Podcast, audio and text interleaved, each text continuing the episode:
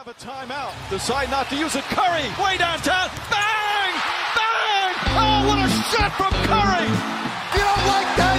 You don't like NBA basketball! Merhabalar herkese.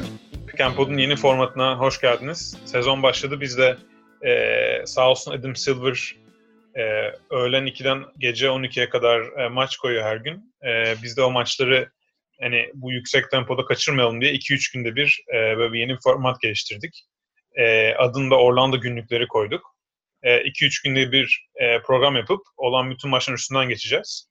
E, yeni formatta yeni konuk da demeyeceğim. Yeni e, sunucu e, eklenen e, Cem Yolblan var. Cem'le zaten program yapmıştık e, birkaç ay önce. E, NBA'in en iyi 25 oyuncusu hakkında. Çok eğlenceli bir program olmuştu. E, bu formatta da bize e, katılacak e, katılabildiği e, sıklıkta. Merhaba Cem, nasılsın? İyiyim valla. Teşekkür ederim davetin için. Ee, Tabii neden. Valla Perşembe günkü maçlar başladığından beri ev, bu Amerika'da biliyorsunuz hala karantina devam ediyor. Karantinamıza yeni bir eğlence e, katmış oldu. Adam Silver'ın e, öğlen 2, gece 12 programından valla şimdilik memnun memnuniyet duyuyorum yani. Aynen biz Cem'le ikimiz de e, Amerika'nın doğu yakasındayız. O yüzden maçlar çok iyi zamanda ama Türkiye'de de iyi zamanda oluyor bu erken başlaması. E, evet en azından akşamları bir iki maçı normal evet. saatlerde izleyebiliyor insanlar. Evet. Nasıl buldun ilk başlayan maçı? Bir genel bahsedeyim bir iki dakika sonra maç maç e, konuşuruz.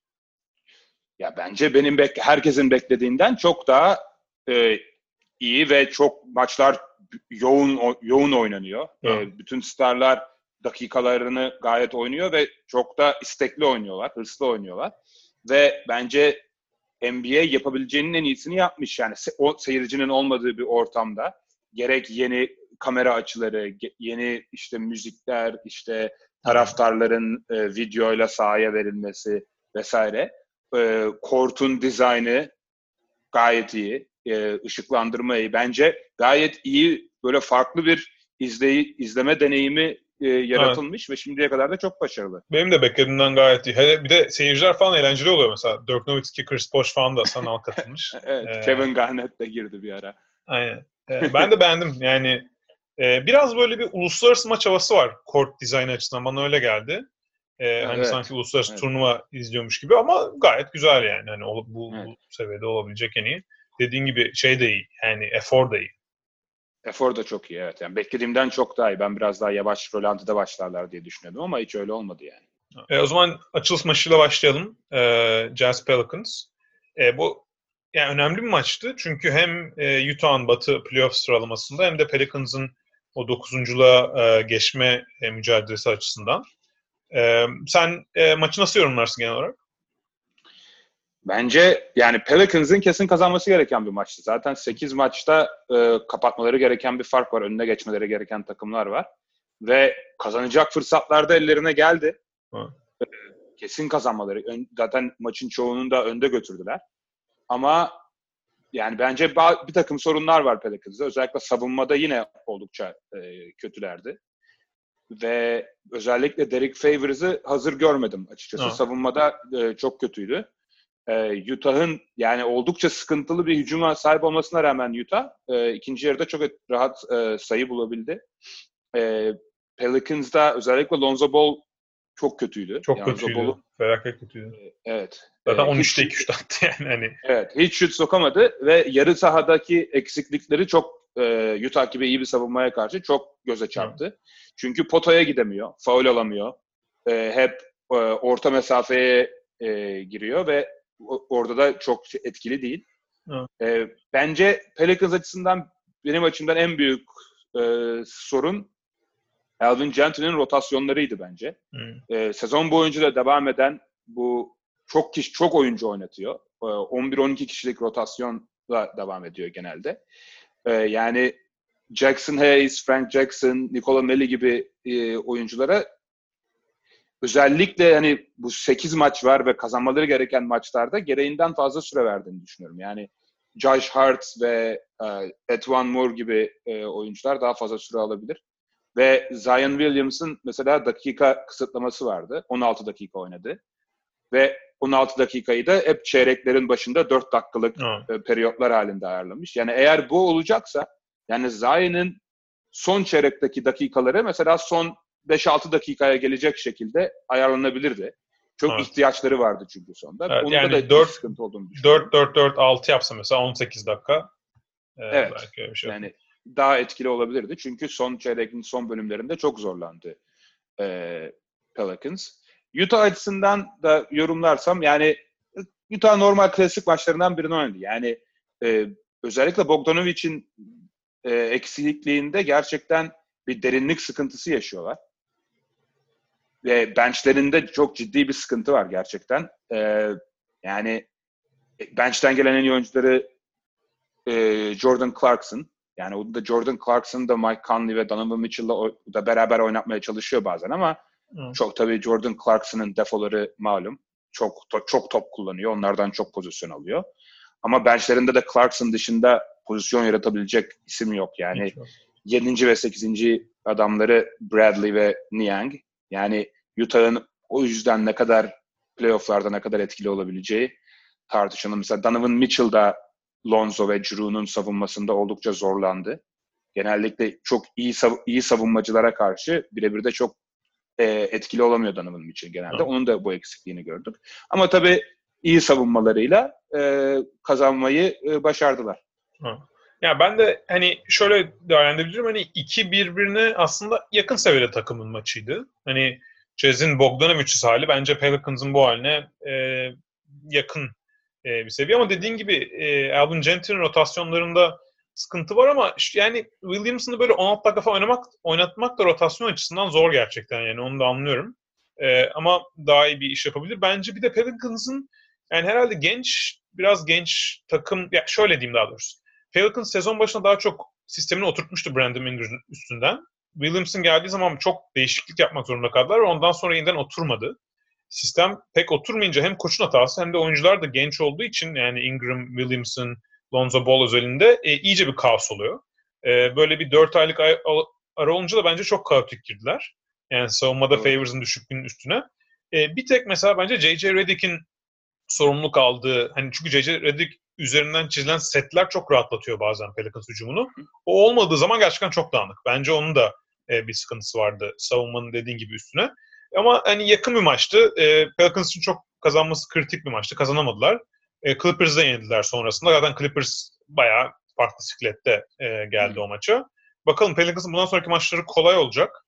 E, o yüzden hala şansları var dokuzunculuk için ama e, işleri zorlaştı bu maçı kaybettikten sonra.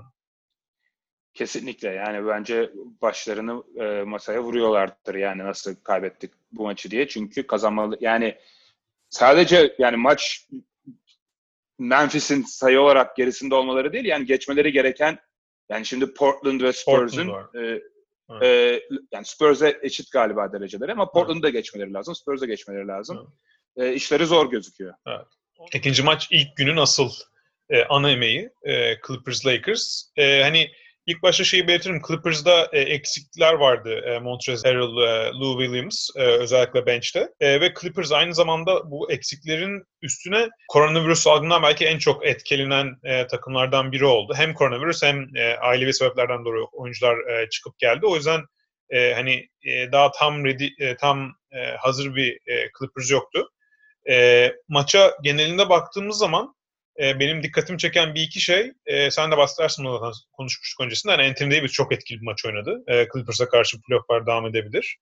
E, Clip, e, Lakers tarafında bir de bir önemli olan e, maçın uzun süreleri boyunca e, o uzun line-up'ını oynatmadı Lakers. Yani Anthony Davis'i 5'te oynattılar.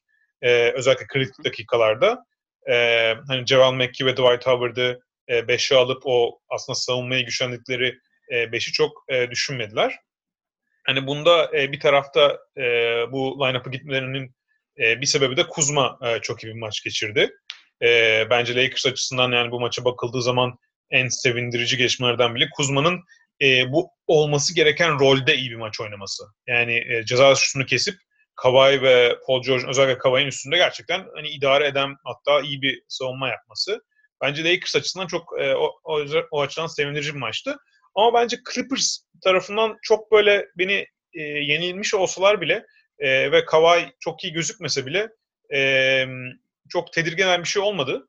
E, çünkü dediğim gibi yani hala e, normalde mesela oyn- çok oynamayacak oyuncular oynadı. Mesela Patrick Patterson normalde playofflarda 22 dakika ben oynayacağını düşünmüyorum. Mesela Şeme de, Landry Şeme de çok kötü oynuyordu. Kötü oynadığı bir günde oynatmanız gereken bir oyuncu değil. E, onların yerine hani Lou Williams, Montrezl Harrell gelecek ve Lakers'a karşı çok etkili olmasalar bile en azından e, bir şekilde oynayacaklar. Ve en önemlisi Paul George e, çok iyi gözüktü. Bence Clippers açısından en sevindirici şey oydu. Ee, katılıyorum e, genellikle. Yani o oynamaması gereken oyuncular mesela Joakim Noah bile e, 12-13 dakika oynadı. Patterson 22 dakika oynadı. Yani Hı. bu oyuncuların playofflarda rotasyonda olacağını Bir de Sanmıyorum. deniyor tabii biraz. de, de- tabii. Yani Marcus Morris de e, mesela oyna, o- normalde oyn- yani çok kötüydü gerçi ama yani playofflarda bu kadar kötü olmayacağını varsayarsak o da daha ciddi dakikalar alacaktır. Katılıyorum. Yani özellikle Clippers'ın bench e, unitleri açısından yani e, çok farklı olacak Lou Williams ve Harrell döndüğü zaman tabii ki. E, yani Reggie Jackson da bu kadar süre almayacaktır e, Lou Williams geldiği zaman. E, Paul George çok iyi gözüktü e, dediğin gibi. Kawhi Leonard da yani belki çok en e, et- etkili maçlarından, yüzdeli maçlarından biri değildi ama e, en azından e, fiziksel olarak ve e, sağlıklı gözüktüler. E, Kuzma konusunda dediklerine katılıyorum. Ben de bahsetmek istediğim konu oydu. Hatta dünkü Toronto maçında da Kuzma Hı. e, ga- gayet iyiydi. Yani savunmasına verdiği efor ve çaba e, çok göze çarpıyor. Belli bu karantina sürecinde o konuda bir e, onunla konuşulmuş, ona yoğunlaşılmış. Ceza şutlarını da kesti. O yüzden eğer böyle olacaksa Lakers açısından çok çok e, değerli bir e, ekleme olur. Anthony Davis konusunda da evet özellikle Clippers için çok kötü bir eşleşme. E. Anthony Davis yani savunacak yani kısa ya kısa kalıyorlar e, ya da e, mobilite açısından sıkıntı yaşayan uzunlarla savunmak zorundalar. Tamam. İkiniz, ikisine de cezayı kesebiliyor Anthony Davis. E, yani sessiz sedasız 34 sayı attı. E, çok e, çoğu serbest atış çizgisinden. E, bir parantezde bence LeBron'un savunmasına e, Maç sonu özellikle. açmak gerekiyor. Çok bahsedildi ama yani gerçekten e, bu sene zaten büyük maçların çoğunda e, bunu yapıyordu. Yine e, Kawhi ve Paul George'a karşı çok çok etkiliydi savunmada. Birebir savunmada. Ayrı ayrıca yardım savunmasında da çok e, konsantre ve motive halde oynadı. Ha, Eğer hücumda da aynı etkinliğini düşmeden sürdürebilirse savunmadaki yoğunluğunu devam ettirerek. E, çünkü bu sene ya mesela bu maçta çok etkili değildi hücumda. Yani yüzdesi de kötüydü. Hatta son çeyreğe kadar e, çok etkili olamadı. Ama eğer ikisini hem savunmadaki bu verimliliğini, hücumdaki verimliliğiyle birleştirebilirse Lakers'ı belki Clippers'ın önünde favori olarak e, düşünebiliriz playoff'larda. Evet yani kesinlikle yakın olacak. E, son benim yapacağım ekleme de e, Dion Waiters da e, iyi bir performans gösterdi. Ya Waiters gerçekten e, playoff'larda küçük yani küçük hatta orta rollerde e, katkı yapabilir. Çünkü savunmada o vücut tipi ve gücü sayesinde e, switch savunmasına çok etkili olabiliyor. Etkili olmuyor da en azından bir zayıf tarafı yok. O yüzden Evet. e, çok kolları da uzun, kolları da uzun Evet. Dion Waiters'ın. E, yardım savunmasında başarılı olabiliyor. Ya özellikle LeBron oynamadığı dakikalarda biraz daha çünkü Lakers'ın en büyük sıkıntısı LeBron olmadığı zaman pozisyon yaratıcı olmadığı için fazla e, o dakikalarda e, aslında Waiters hani çok verimli bir skorer değil ama LeBron yokken Lakers zaten çok verimli hücum e, etmiyor. E, Hmm. Hani Davis'ten bir- Anthony Davis'ten biraz e, baskıyı düşürmek için LeBron olmadığı dakikalarda e, düşünülebilir. E, Katılıyorum. bir de bir ilginç şey aslında ben Clippers olsam e, yani Davis'in Davis yüzünden Lakers'ın çok hücum etmesi aslında çok kötü olmayabilir yani bir o tarafı var. Çünkü Clippers olsam böyle maçı bire bire döndürmeyi e, tercih edebilirim LeBron'un e, top total kontrolü e, karşısında ama bakalım ilginç olacak. Doğru. Çünkü sende belki ligin en iyi birebir skoreri Evet. Kawhi Leonard var. Yani maç ona geldiği anda Aynen. her zaman bir e, avantajın var o konuda. Tamam. O zaman e, bir sonraki maça gidelim. Bu maçı e, daha çok sana soracağım çünkü ben parça parça izleyebildim ama pas atmadan önce e, zaten istatistiklerden gözüküyor yani e, maç e, yani 150 e, sayılarda bitti. E, ve e, tempo olarak baktığımızda bu sol alt köşeye e, tempoyu koyduk. Bu e, 110 e, hani pozisyon olması gerçekten e, muhteşem e, hızlı bir maç oynandı demek ve hücum verimi de e, 100 pozisyon başına e, 126 sayı atabilme. Yani bu iki takımın da e, muhteşem verimli bir maç oynadığını e, görüyoruz. Zaten James Harden e, 20 şutta e, 49 sayı attı. E, Porzingis 26 şutta 39 sayı attı. Gerçekten e, en eğlenceli maçlardan biri oldu. Evet gerçekten çok çok iyi bir maçtı. Sezonun iyi, en iyi maçları listesine de girebilecek bir maçtı. Zaten Harden ilk çeyrekte şut kaçırmadan 23 sayı attı. Ee, müthiş başladı gerçekten. Sonra yani benim açımdan stratejik olarak şöyle enteresan bir durum vardı. Harden ilk ilk sayı ilk yarıda çok baş, çok etkili olunca Carlisle Harden to, e, yarı sahayı geçtiği anda ikili sıkıştırma getirmeye başladı Harden'a. Topu Harden'ın elinden hmm. çıkartmaya zorladı. E, Harden e, topu elinden çıkarmaya zorladığı anda Houston'ın e, atıcıları mesela Dan, Daniel House çok çok iyi e, şut soktu. Westbrook da e, o 4'e 3'lerde potaya çok rahat gidebildi ve hmm. iyi bitirdi. E, o yüzden yani özellikle mesela playofflarda bu da Harden'ın ve Houston'ın sık sık karşılaşacağı bir durum. Bu e, Harden e, topu eline aldığı anda ikili sıkıştırma ya da pick and roll geldiği anda ikili sıkıştırmalarda Houston'ın rol oyuncularının ve özellikle Westbrook'un e, bunun bunu avantaja çevirebilmesi ve etkili hücum e, üretebilmesi çok önemli. Geçmişte Houston'ın bu konuda sıkıntılar yaşadığını gördük. Evet. Ama bu maçta e, oldukça e, iyilerdi. E, Dallas da özellikle ilk yarıda e, çok iyiydi. İlk üç çeyrek hatta Luka e, çok e, hiç dur savunamadı Houston Luka'yı. Hiç önünde e, kalmadılar her, yani. Hep içeri giriyorlar. Evet, evet, hep içeri girip köşedeki şütörleri buldu e, her zaman. Ama Luka özellikle son çeyrekte ve uzatmalarda e, yoruldu. Yani belki kondisyon açısından bir e, sıkıntısı vardı. Sonuçta 4 aydır oynamayan o, oyuncular. E, çok mesela o çok sevdiği step back'ler de hiç sokamadı bu Hı. maçta. E, üçlükten oldukça verimsiz bir gün geçirdi. 9'da ama Dallas evet yani ama bu sezon boyunca hep olan bir sıkıntı Dallas'ın bu son çeyreklerde yani çok kazanmaları gereken maçları kaybettiler. Bu da onlardan biri. Yani son bir dakika içinde 6 sayı öndelerdi yanlış hatırlamıyorsam. Evet. Ee, çok hata hata yaptılar. Mesela bu son Harden'ın kaçırdığı serbest atışta yani iki tane e, iki onun üzerinde oyuncuyla Robert Covington'a e, hücum reboundu verdiler. Ama Dallas olsam yani Porzingis'in performansından dolayı e, gayet olumlu çıkarımlar yapılabilecek bir maç e, Dallas açısından. Tabii çok ciddi bir size ve boy farkı olduğu için Houston'ın e, ilk beşiyle Porzingis Porzingis'den Porzingis, 20 santim kısa en uzun oyuncusuyuz. evet. Porzingis bu da Carlisle bunu düşünüp hani Porzingis'e normalde olduğundan daha fazla ISO post-up fırsatları yaratılmış. Evet. Hep topu Porzingis'e verip gerçi Porzingis çok belki hani e, çok kuvvetini kullanıp potaya giden bir, bir isim değil ama boy farkı yüzünden dönüp çok rahat şuta kalktı ve çok Hı. başarılı oldu. 39 sayı e, attı. Daha da daha da atabilirdi yani. Çok belki e, at, sokması gereken şutları da kaçırdı. E, Dallas açısından evet yani çok bazı bölümlerde çok etkili gözüktüler. Hücumları da çok iyiydi. Ama bu maç sonlarını ve uz- uzatmalarda yaşadığı sıkıntıların devam etmesi biraz e, Carlisle'ın başını ağrıtıyor olabilir. E, ama Dallas'ın e, doğru bir eşleşmede playofflarda e, çok takımın e, başını ağrıtacağını düşünüyorum. Evet. Ya burada sıkıntı Dallas şimdi konuşacağız gerçi çok basit ama 7'den çıkması zorlaştı bu maçı yenildiği zaman. Ee, o yüzden hani Clippers'a karşı gerçi Clippers belki onlar üçüncüye düşerse ilginç olabilir ama e, bakalım. Bir de en son şeyden bahsedeyim. E, Trey Burke Alev Alev e, oynadı bu maç. Evet. E, yeni imzaları. E, geçen bölüm biz hazırlık işte bu şeyleri konuşuyorduk. Dallas nasıl e, olur falan diye. Mert de e, Trey Burke çok iyi rol alabilir e, dedi. Ben içimden şey de geçirdim yani Trey Burke ne kadar oynayacak acaba falan. E, ilk maçta 30 dakikadan 31 sayı attı. E, ben de hiç beklemiyordum gerçekten. Evet. Yani çünkü Trey Burke'ü birçok takımda gördük yani. Çok hani bir maç böyle parlayıp sonra evet. hiç oynayamadığı zamanlar evet. oldu. Ama eğer böyle devam edebilir, tabii ki böyle devam etmez yani 10'da evet. 8 üçlükle ama eğer bench'ten gelen ani skor üretmede e, yardımcı olabilecekse Dallas'a tabii ki çok e, e, faydalı bir oyuncu olur.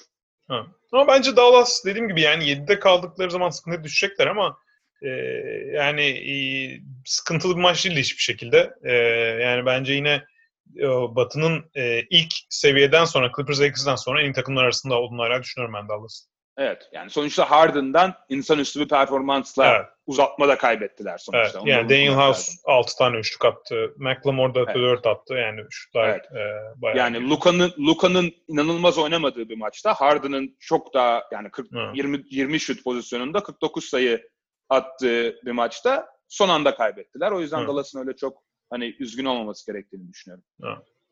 Tamam o zaman o günün e, konuşacağımız İngilizce maçına geçelim. Grizzlies Blazers. Bu da çok kritik bir maçtı.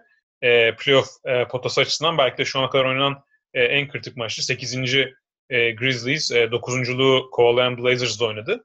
E, ve e, bir sürü farklı yani yeni e, analiz yapabileceğimiz de bir maçtı aynı zamanda. Çünkü e, Bla- e, Blazers normal sezonda olduğundan bir anda çok farklı bir kadroyla geldi. E, hem Yusuf Nurkic hem e, Zach Collins'in katılışıyla ve Carmelo Anthony'nin e, yeni e, kendini yeniden yaratmış e, zayıf haliyle e, ilginç bir e, Blazers vardı. Ve bence hani bu maçın en net yani kazanma kaybetmekten öte e, en sevindirici tarafı özellikle Yusuf Nurkic gerçekten çok iyi döndü. Yani e, bu, bu kadar ciddi bir sakatlıktan bu kadar fizikli bir oyuncunun dönüp e, bu kadar mobil bir şekilde başlaması bence e, yani zaten şeyde çok iyi oynuyordu hazırlık maçlarında ama hani bu gerçek maça çıkıp bu kadar mobil, bu kadar etkili olması e, muhteşem performans. Yani 6 blok koydu, 5 e, asist yaptı. Zaten e, en önemlisi e, bu maçın hani bence hikayesi Grizzlies'in tempoyu arttırıp arttırmamasına dayandı zaten. Çünkü yarı sahaya kaldığı zaman Grizzlies çok zorlandı özellikle ilk yarıda. İkinci yarıda e, mesela o savunmada e, trap savunması ikili sıkıştırmalar getirdiği zaman e, Hasan Whiteside varken sahada Portland hücum bile edemiyordu. Nurkic'i koyduğun zaman e, bayağı bir fark etti yani o pas istasyonu e, oluşturması. E, o açıdan hani maçın e, uzatmada sonra Blazers'ın kazanmasında da dördüncü çeyrekte e, hani yarım adım e, öne geçirmesi veya oyunda tutması e, Nurkic açısından e, çok önemliydi. E, Memphis tarafında ise e, ya aslında maçın sonuna doğru e, doğru rotasyonu buldu bence koç e, Jenkins. E, bu Jaren Jackson Jr.'ın 5'e geçtiği, Brandon Clark'ın 4, Dylan Brooks'un 3, e, Melton'un 2 ve Jamorant'in 1 numarada oldu. Bu çok genç ve e, çok mobil bir 5. E, biraz fiziksel olarak Nurkic tarafından ezildiler ama e, hem şut atabilme açısından hem e, savunmada e, baskı açısından bence e, doğru 5 e, oydu ve aynı zamanda geleceği geleceğe e, kurmak açısından da e, oynatılması önemli bir 5. E, ama Grizzlies e, yani dediğim gibi yarı sahaya kaldığı zaman o özellikle Jamorant'in e, şut açısından gününde olmadığı e, bir maçta e, biraz zorlandı. Evet, yani genel olarak ben de çok benzer şeylerden bahsedecektim. Yani bence geride kalan 3 günün ben benim açımdan en et, en etkileyici ismi ve olayı Yusuf Nurkic'ti. Yani gerçekten bir buçuk senedir oynamamış bir oyuncu gelip bu kadar oyuna etki edebiliyor. O kadar yani altı blok zaten e, kariyerinin en yüksek rakamını e, rakamıymış. Yani 5 asist dediğin gibi 5 asist yaptı. Whiteside'ın bu sene oynadığı maçlar ya, kariyerinde 5 asisti var mıdır Whiteside'ın? Emin değilim yani açıkçası. Yani o ikili sıkıştık. Çok oyunu çok değiştiriyor gerçekten Nurk için orada olması. Gerek savunmada gerek hücumda dediğin gibi pas istasyonu olarak. Ee, benim merak ettiğim konulardan biri maçın bazı bölümlerinde Terry Stotts, Nurkic ve Whiteside'ı beraber oynattı. Ha. Yani bunun playofflarda hiç olacağını sanmıyorum ama hani Whiteside 18 dakika e, oynadı bu maçta. Yani Whiteside da tabii sonuçta çok para kazanan ve lig içinde bir ağırlığı olan bir isim. Ne kadar defoları çok olsa da. Hani onu ne kadar rotasyonda kullanacak, nasıl bir e, uzun rotasyon yapıyor. Çünkü Zach Collins de gayet burada uzun bir sakatlıktan dönmesine rağmen o da gayet mobil ve iyi döndü. Hani sırf Whiteside'ı memnun edebilmek için onların dakikalarından kısar mı, nasıl bir rotasyon yapar onu merakla bekliyorum. Tek bir par özel parantezi Gary Trent Jr. için de hmm. açmak lazım diye düşünüyorum. Ee, eğer bunu bu şekilde devam edip zaten karantina öncesi de e, çok iyi maçlar oynuyordu. Bugün de e, e, e, bu maçta da 5'te 4 üçlük attı ve yani ceza şutlarını kesti. E, oldukça yani çok iyi bir çok iyi uyuyor e, Portland'a. Yani Portland'ın ve çok e, büyük eksiklerini se- kapatıyor. evet yani birkaç senedir en büyük eksikleri olan Lillard ve McCollum dışında e, topla bir şeyler yapabilecek, sayı üretebilecek isim de e, bunu forvet e, pozisyonunda. Gary Trent bunu e, şimdilik iyi yapabiliyor gibi gözüküyor. E, özellikle yani alternatifinin e, mesela Hezonya gibi hani çok defolu bir oyuncu olduğunu düşünürsek hani Gary Trent'in daha da bu dakikaları e, hak ettiğini düşünüyorum. Memphis açısından da yani çok iyi anlattın zaten hani yarı saha ve e, fast break'teki farklarını, yarı sahadan ne kadar zorlandıklarını. Benim açımdan en sevindirici yani ve Memphis taraftarı olsam en sevindirici olay Jaren Jackson'ın e, performansı olur. Hı. Yani e, o bu kadar volümda ve bu kadar yüzdeli üçlük atabilen bir uzun yani bu, ligi, bu ligde çok çok değerli. Ha, 15 Yani- tane üçlük denedi yani. Evet ve hiç tereddütsüz yani Ha. hiç tereddütsüz ve hiç space gerekmeden eline geldiği gibi e, Hı. atıp çok yüzde. Zaten maçın ilk 4 dakikasında 4 üçlük attı, denedi yanlış bilmiyorsam. 4'te 3 Evet. soktu yanlış hatırlamıyorsam. Yani ve yani bu, bu tehdidi olduğu için savunmacılar ona e, close out yaptığında iyi dripli, driplingi de çok iyi. Hı. Yani potaya da potaya da gidebiliyor. Yani çok komple bir hücum oyuncusu olmanın ibarelerini zaten gösteriyordu. Bu maçta iyice e, kanıtladı. E, Ja Morant biraz pasifte, etkisiz de özellikle ilk yarıda. Hani Grizzlies'in onu biraz daha e, agresif olmasına ihtiyacı var diye düşünüyorum. Evet. Ee, son ekle, yapacağım eklemede Blazers bayağı dar bir rotasyon oynadı. 8 kişi oynadı. Ve CJ McCollum ve Damian Lillard 45 dakikanın üstünde oynadı. Yani o biraz e, yıpranabilirler. Hatta sakatlık tehlikesi de olabilir yani bu seviyede oynamaya devam ederlerse. Çünkü playoff'u kovalıyorlar. E, bakalım inşallah sağlıklı kalırlar. CJ de çok iyi oynadı. E, yani bu kadar formsuz bir sezondan sonra aslında e, böyle dönmesi sevindirici oldu ama çok şaşırtan bir şey değil zaten. CJ McCollum yani hani böyle 21'de 14 33 sayı atınca da şaşırtan e, bir durum yok. Zaten hep kendine güveniyor olan bir oyuncu ama formda olması e, iyi oldu. E, o son maça geçelim. E, dün oynandı 76ers e, Pacers maçı ve çok ilginç bir maçtı. Yani e, hatta maç izlerken de e, fark ediyordum. Hani bir TJ Warren ilk çeyrekte zaten 20 sayıyla başladı. E, maçı e, 53 sayıyla bitirdi. 29'da e, 20 şut, 12'de 9 üçlük. Karşı tarafta e, Embiid 41 sayı, e, 21 rebound yaptı. Böyle şey gibi sanki NBA 2K maçı e, box score'una benziyor maçtan sonra baktığınız zaman. Ve e, yani hızlı bir tempoydu ama inanılmaz bir tempoda değildi. E, zaten çok ilginç bir maç çünkü bir tarafta e, devler kadrosu e, Philadelphia, diğer tarafta Sabonis'in e, sakatlığıyla gerçekten acayip küçülen e, ilk beşinde. Yani Aaron Holiday, e, Justin Holiday, Oladipo, TJ Warren'ın 4 numaraya kaydığı, Miles Turner da uzun ama hani öyle acayip fiziksel bir e, pivot hiç değil. E, o yüzden çok farklı stillerin farklı stillerin birbiriyle e, çarpıştığı bir maçtı. Ve e, yani Indiana, e, Philadelphia tarafında ilk göze çarpan tabii ki e, biz bu plus minus istatistiklerini koyduk e, box score tarafına. E, Joel Embiid oynadığı 35 dakika, 34 dakikada e, Philadelphia 21 sayı e, öndeydi. E, ama maçı kaybettiler. Bu demek ki Embiid'in oynamadığı 14 dakikada e, 27 sayı fark yedi Philadelphia. Yani bu e, yani seni beni çıkarsak 14 dakikada 27 sayı fark yeriz zaten yani. yani zaten O clock kadar 24 olur, saniye şut atmasan zaten bir dakikada iki hücum oluyor yani.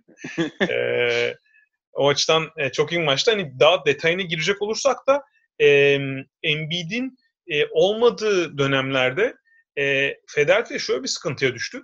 Hem savunma konsantrasyonu düştü. E, bu Ben Simmons'ın özelinde biraz sıkıntı vardı. Yani ilk yarıda çok kötü tutmadı bence TJ Warren. Çünkü TJ Warren çok ekstra şutlar attı. Ama özellikle ikinci yarıda e, topsuz e, perdelerde çok kaybetti TJ Warren'ı. Ben Simmons bu sene gerçekten e, yani ligin en iyi savunmacılarından da hatta belki ligin en iyi dış savunma performansı e, da denebilir ama bu TJ Warren'ı perdelerden gerçekten e, kovalarken çok zorlandı. Bu tabii TJ Warren bunu e, ligde en iyi yapanlardan. E, topsuz e, perdelerden yararlanma açısından.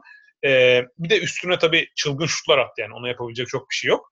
E, Sixers açısından hani savunmada konsantrasyon düşünce bu sefer Pacers hep sayı buluyor. Pacers sayı bulduğu zaman da Sixers bu sefer kolay sayı bulma şansı yakalayamıyor. Çünkü Embiid olmadığı zaman Sixers'ın bir numaralı e, sayı bulma formülü e, savunmada top çal, top çalıp veya e, rebound üstüne hızlı çıkıp ya fast break'te ya transition'da Ben Simmons'ın üstünden sayı bulma, bulabilme. E, savunmada düşünce bunu da yapamadılar. Bu sefer hücumda çok sıkıştılar ve böyle bu bir e, kötü bir e, döngü oluşturdu e, onlar için.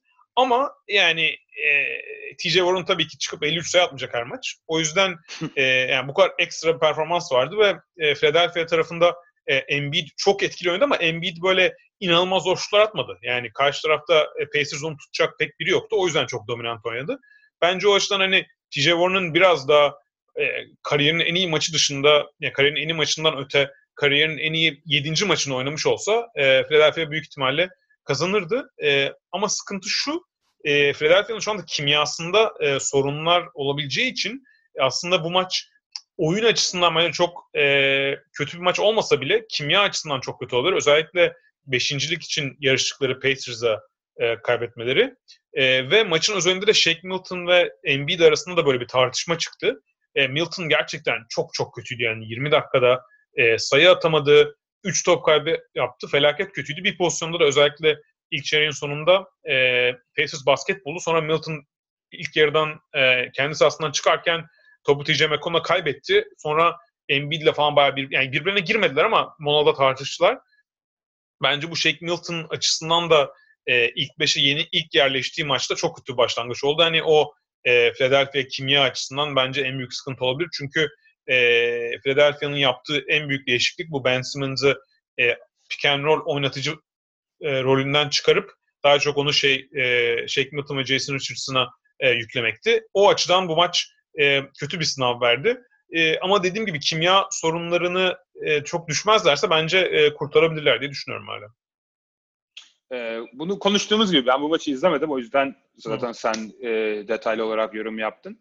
Yani genel olarak hani Sixers'ın sene boyunca olan sorunları sanki devam ediyor gibi. Hatta geçen seneden beri hani Embiid'in olmadığı dakikalarda da e, hiçbir türlü yani savunmada çok eksik kaldıklarını ve yani hiçbir türlü sayı da üretemedikleri sırf bu yüzden Al Horford'u aldılar.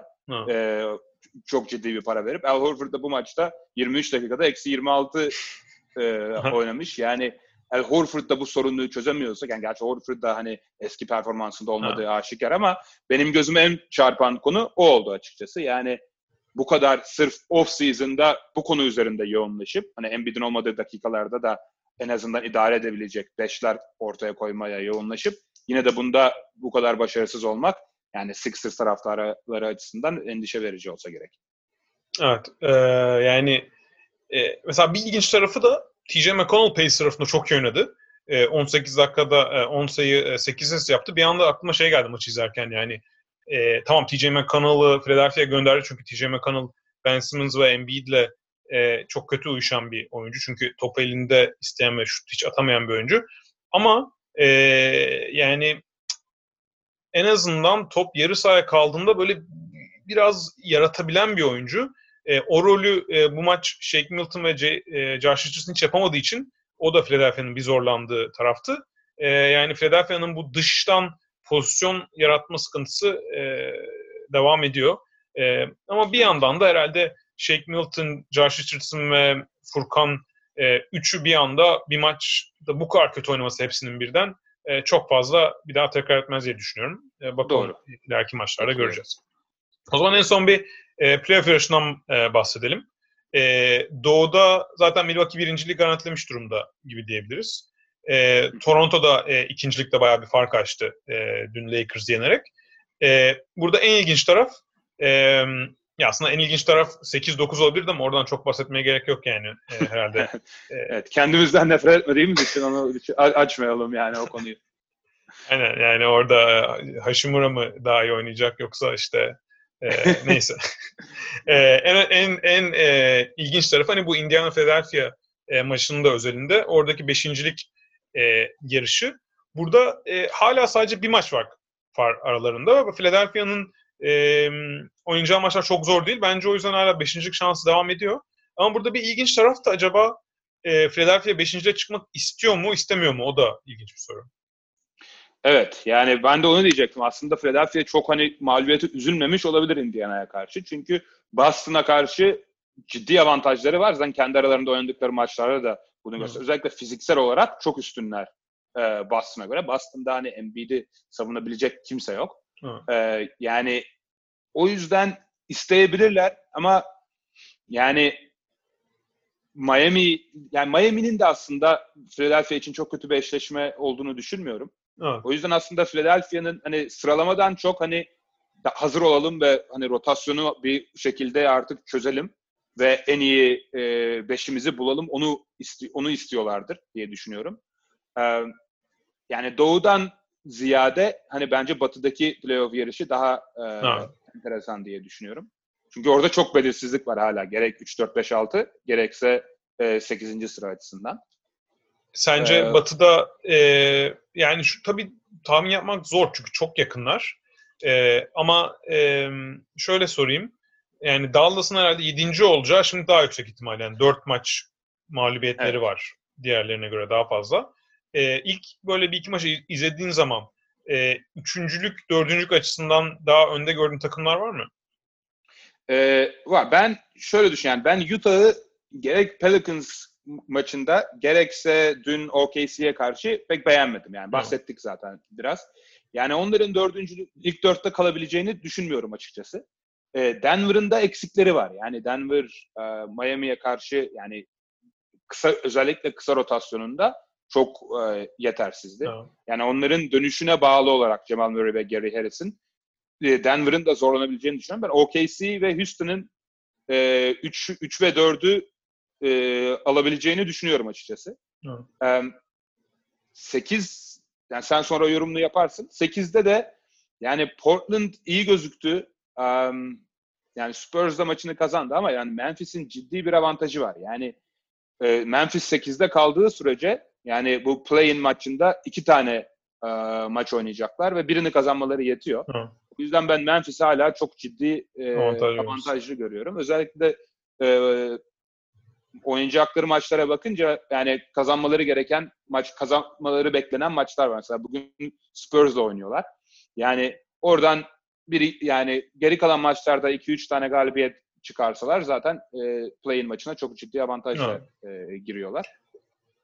Ya dediğin gibi Memphis zaten bence 8.yi koruyacak yani net bir şekilde. Evet. E, dokuzunculuk Sacramento bence yani o San Antonio Sacramento maçının sonucu daha önemli. Sacramento bence çok büyük bir e, yara aldı orada. E, çünkü artık yani Portland'ı e, geçmeleri bundan sonra bence daha zor olacak. E, San Antonio'nun ben o performansına bakalım yani aslında aldırıcısı çok ilginç bir daha kısa bir sistem oynuyorlar. Bir iki maç izlemek lazım ama çok oralarda ben de kalamayacaklarını düşünüyorum. Bence sonunda e, yani şu anda Blazers ve Grizzlies arasında hani seçsem e, o ikisi olacak gibi geliyor. Ama dediğim gibi Pelicans'ın kolay maçları var. E, savunmada biraz toparlanabilirlerse e, yeniden o e, yani Blazers'ı zorlayabilirler diye düşünüyorum. E, diğer tarafta ise hani bu şey ilginç gerçekten. Bu pandemi sürecinden takımlar aslında bayağı eksiksiz döndü e, genel olarak baktığımızda ama sadece iki tane en çok etkilenen takım sadece hastalık olarak değil ama genel süreç olarak Denver ve Clippers gibi gözüküyor bence şu anda. O açıdan e, Denver hakkında dediğine katılıyorum yani ben normalde üçüncülükten düşme şansı pek vermiyordum. Ama biraz hani böyle bir süreçte bir iki takım etkilenecek en azından. Onlardan biri Denver oldu. E, o yüzden e, üçüncülüğü kaybetme şansları var. E, ve dörde e, düşer yani şöyle diyeyim ders dörde düşmek çok önemli değil ama e, Denver playofflarda eşleştiği takıma göre e, farklı performanslar performanslar sergileyebilecek bir takım. O yüzden e, ilginç olacak. Ama net bir şey demek tabii imkansız yani. Aralarında hala 3. ile 6. arasında bir buçuk maç fark var yani her şey e, Evet. olabilir. Ya, bir de şunu da unutmamak lazım. Denver ve Utah ligde ev sahibi avantajını en, iyi kullanan Evet. e, ekiplerden ikisi. Yani Evet. gerek e, yükseklikle alakalı yani e, gelen takımları çok zor durumda bırakabilen bir ev sahibi avantajları var. Pandemide bunun e, bunu kaybetmiş olmaları Evet. ondan da e, diğer takımlara göre dezavantajlılar. Gerek geri kalan maçlarda gerek playofflarda e, o açıdan zorlanabilirler yani. Ha. E, Ee, bir de yani son kritik taraf, 8. tarafında e, Sacramento Pelicans daha iki kere oynayacak galiba birbirleriyle. E, o da bayağı e, önemli olacak. E, onları da bakalım. Tamam o zaman e, kapayalım. E, çok teşekkürler e, geldiğin Ben için benim teşekkür formatta. ederim. E, tekrar o zaman tekrar yapabiliriz inşallah. aynen evet. Üç Bakalım içinde. 2-3 günde bir e, çıkarmaya çalışacağız e, maçlar ve bizim durumumuza göre. E, çok teşekkürler e, bizi izlediğiniz Ben- için. E, bir sonraki bölümde görüşmek üzere. Görüşmek üzere.